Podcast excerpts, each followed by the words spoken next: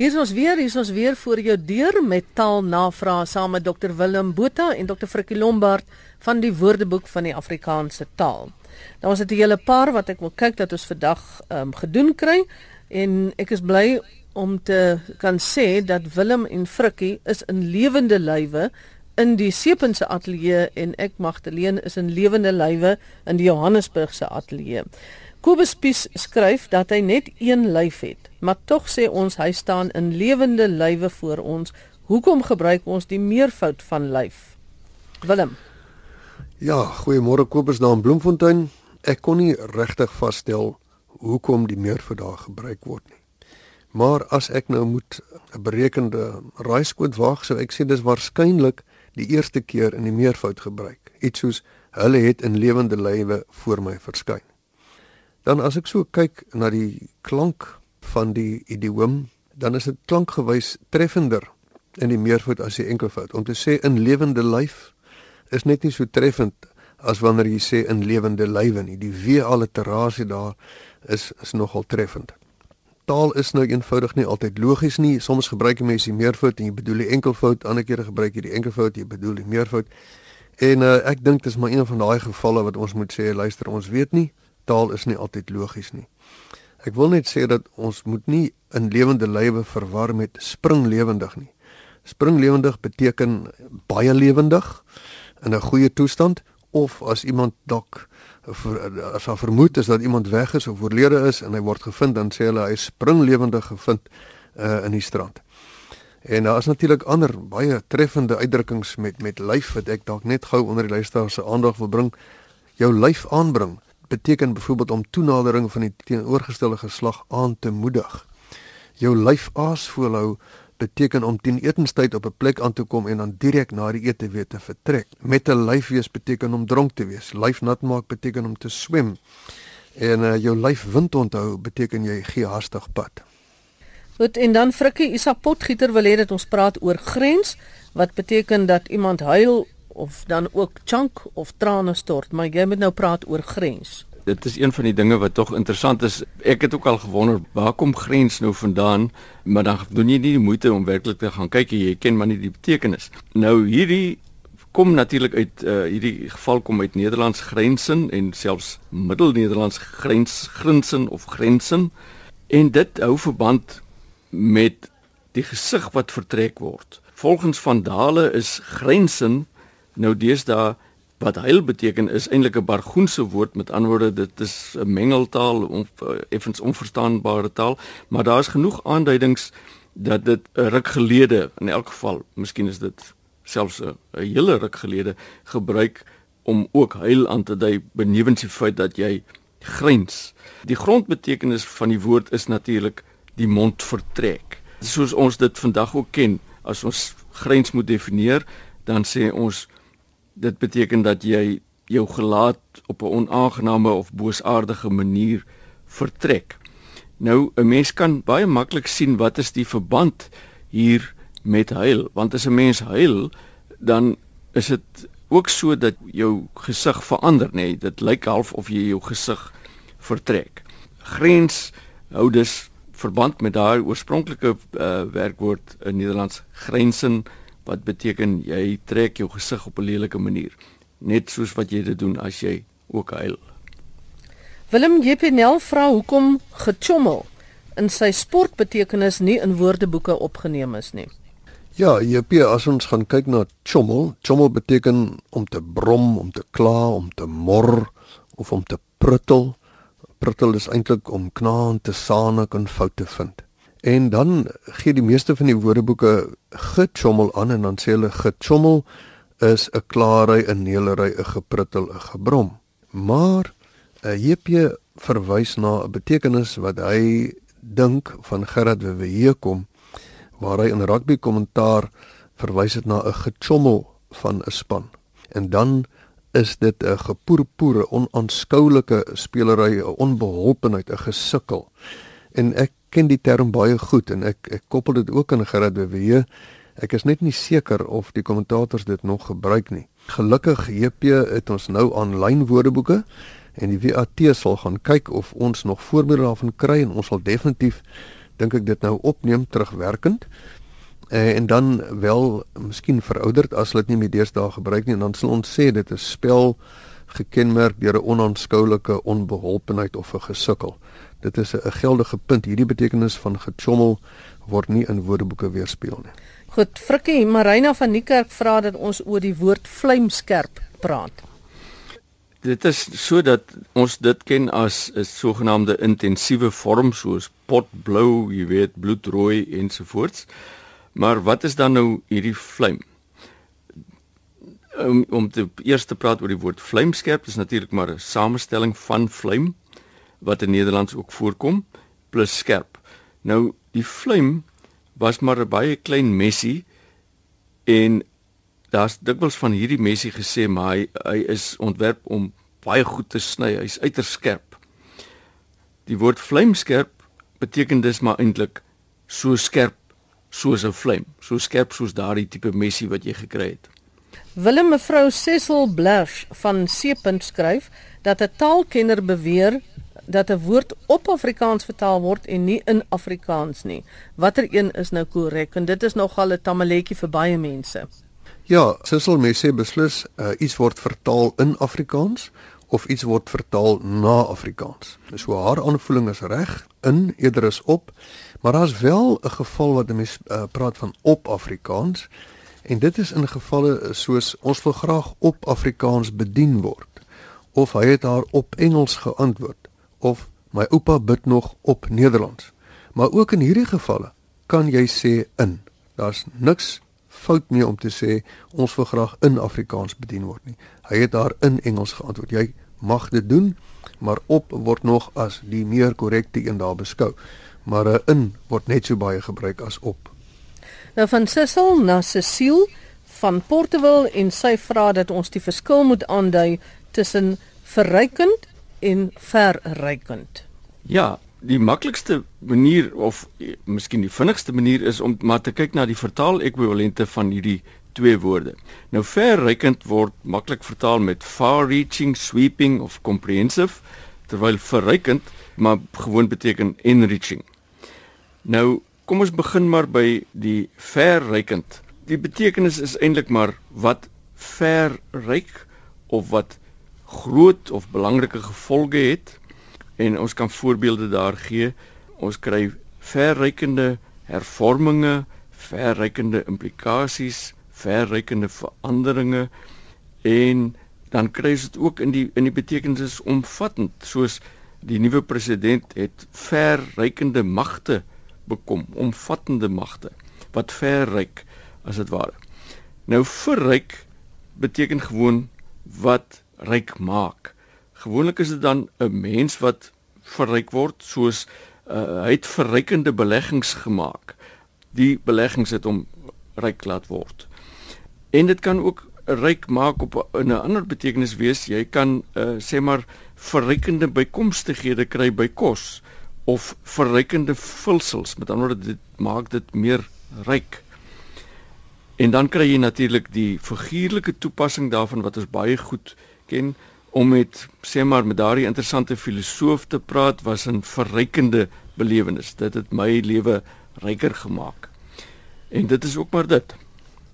Goed en dan Willem 'n vraag van Dorothy Ann Howardson van Kimberley wat wil weet sê mens rolstoel of reistool of is albei korrek? Dorothy Ann, die WAT het gekies vir rolstoel en die definisie is daar geplaas met reistool as sinoniem, maar albei is korrek en albei word redelik baie gebruik. Dit lyk vir my eh, Dorothy Ann wil 'n pleidooi lewer vir rolstoel, maar ook dat daar op 'n normale wyse verwys word na mense wat gebruik maak van 'n rolstoel. Sy sê sy sê byvoorbeeld ek loop dorp toe of ek stap met my hond, dan aanvaar ek beweeg sy eintlik met 'n rolstoel. En ek wil by haar aansluit en uh, sê, jy weet, eh, 'n uh, uh, term byvoorbeeld of 'n frase soos gekluister aan 'n rolstoel. Om dit te gebruik is eintlik onnodig. Dis heeltemal onnodig negatief. Jy jy dra niks by nie. Jy weet albei my ouers was uh, aan die einde van hulle lewe in in in rolstoele. En daardie rolstoel is eintlik 'n wonderlike hulpmiddel. Dit is eintlik iets positiefs. As nie daarvoor was nie, het hulle baie moeilik beweeg of kon hulle glad nie beweeg het nie. So men terme soos gekluister aan 'n rolstoel is is erg negatief. Mense bid ook dikwels so. En ek voel dit dit dra niks by nie. Dit is onnodig negatief. Ja, is nogal 'n baie waarding daar. Ek het nog nooit so daaraan gedink nie. F uh, Frikkie van van Kaapstad vra ons moet 'n bietjie oor die herkoms van die woord skielik gesels. En ek is seker skielik sal ook iewers opduik. Ja, wel skielik is is is 'n uh, wisselvorm wat gebruik uh, is deur ek dink vir al die ouer geslag wanneer hulle skielik bedoel. Dis nie asof hy verskil van skielik in betekenis nie en die herkoms is natuurlik vir albei dieselfde. En dis nou nog so 'n woordjie wat ons elke dag gebruik, maar dan kom die vraag tog by 'n mens op, maar wat waartoe gaan die woord terug? Wat was hy oorspronklik? Nou ons weet dis plotseling of haastig, onverwags, vinnig, onverwyld beteken die woord. Nou Nederlands en ook reeds Middelnederlands, die uh, die Nederlands van baie eeue gelede het geken skielik S C I E lik. Dit is 'n afleiding dan met lik van die stam ski. En daardie ski, dis S C H I E in Nederlands. Uh dit was 'n stam wat gebruik is in 'n werkwoord soos skieden of geskieden wat ons vandag maar net ken as geskied wat ge, met met ander woorde gebeur en skielik beteken as jy dit na sy grondvorm toe terugneem maar net wat geskied wat gebeur die betekenis van vinnig gebeur het dus heelwat later bygekom Willem Koos Beneke se klein seun Wiku de Tooi wil weet waarom spel ons mevrou met 'n visie v en juffrou met 'n kirietjie F. Wico is in graad 5 in die Duitse skool in Kroondal. Ja, ek wil net eers vir Wico baie dankie sê dat hy sulke slim vrae vra oor visse en kieries. Nou, beide juffrou en mevrou kom uit Nederlands en is samestellings met vrou. Nou die juf van juffrou het in Nederlands beteken jonk. So juffrou, dit beteken jong vrou. En dit is gespel J U F V R O I W. So die F en die V het langs mekaar gestaan. En toe het dit nou later sommer juffrou geword met 'n dubbel F. Twee krietjie F's. Mevrou was in Nederlands oorspronklik myn vrou, met ander woorde my vrou. So, albei is verbintenisse met vrou en uh, die rede vir die krietjie F by juffrou is dat dit was voorheen juf 'n verbintenis van juf met 'n f wat beteken dit jonk plus vrou. En toe daai FV 'n dubbel F geword. Baie dankie Wico, dis 'n baie slim vraag. Ja, en 'n mens kan seker sê dit is maar 'n vorm van assimilasie wat wat gelei het daartoe dat die twee ja, jy weet dat dat daai uh, V uiteindelik 'n F geword het omdat 'n F hom vooraf gegaan het. Ja, en assimilasie is 'n vorm van spraakluiheid en hierdie is 'n spellingsluiheid, so ek hmm. sê. Wat vir my interessant is, 'n F is 'n F, maar mense hoor baie keer mense sê lang F. Mm, ja. Dit ja, nou ja, maar ook ja. 'n manier van praat geword, 'n lang F en daar is net een F. Ja. Ja, net so. Is is die lang f klank. Ja. Frikkie Hendrin vra oor radar en sonar. Ja, en ek wil byvoeg deesdae is daar ook lidar. Nou al hierdie forme radar, sonar, lidar is uh letterklankwoorde of beter bekend as akronieme. Nou radar as 'n mens gaan kyk na die etimologie is dit is die beginwoorde van 'n van 'n hele reeks. Dis radio detection and radio ranging. En radars daai het saamgestel. Dit is 'n metode of tegniek met behulp waarvan jy radiogolwe uitstuur.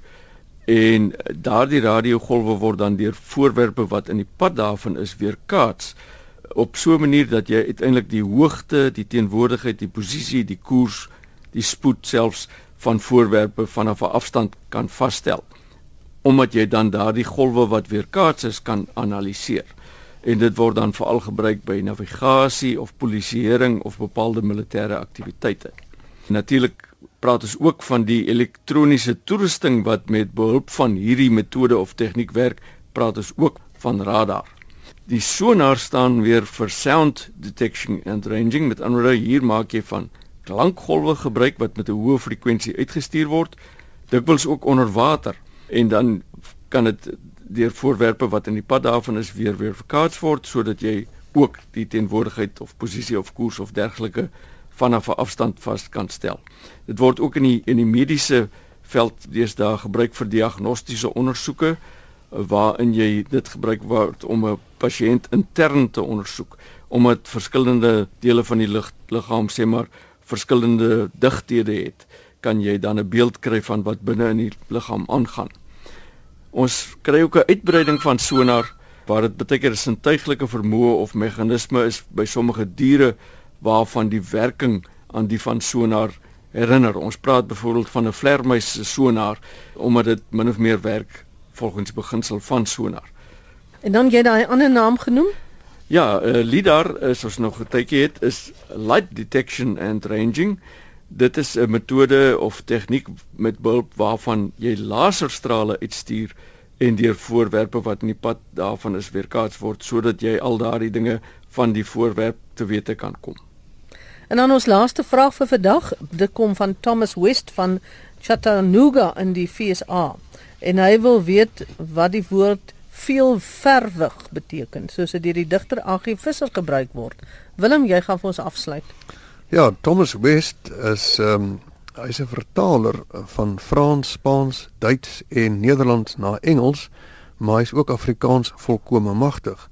En Thomas is die wenner van verlede jaar se borgewoord prystrekking van R25000 en ons het 'n stewige verhouding met Thomas. Hy het ons ook al kom besoek by die WAT en hy het 'n seun wat 'n baie begaafde sanger is en hy gaan 'n uitvoering in New York gee binnekort van Afri van Afrikaanse liedere.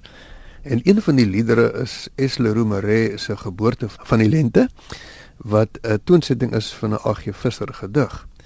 En nou is Thomas besig om die Afrikaanse liedere se woorde in Engels te vertaal vir sy seun dat hy kan weet wat hy sing. En in die gedig van van A.G. Visser kom die woord veelverwig voor.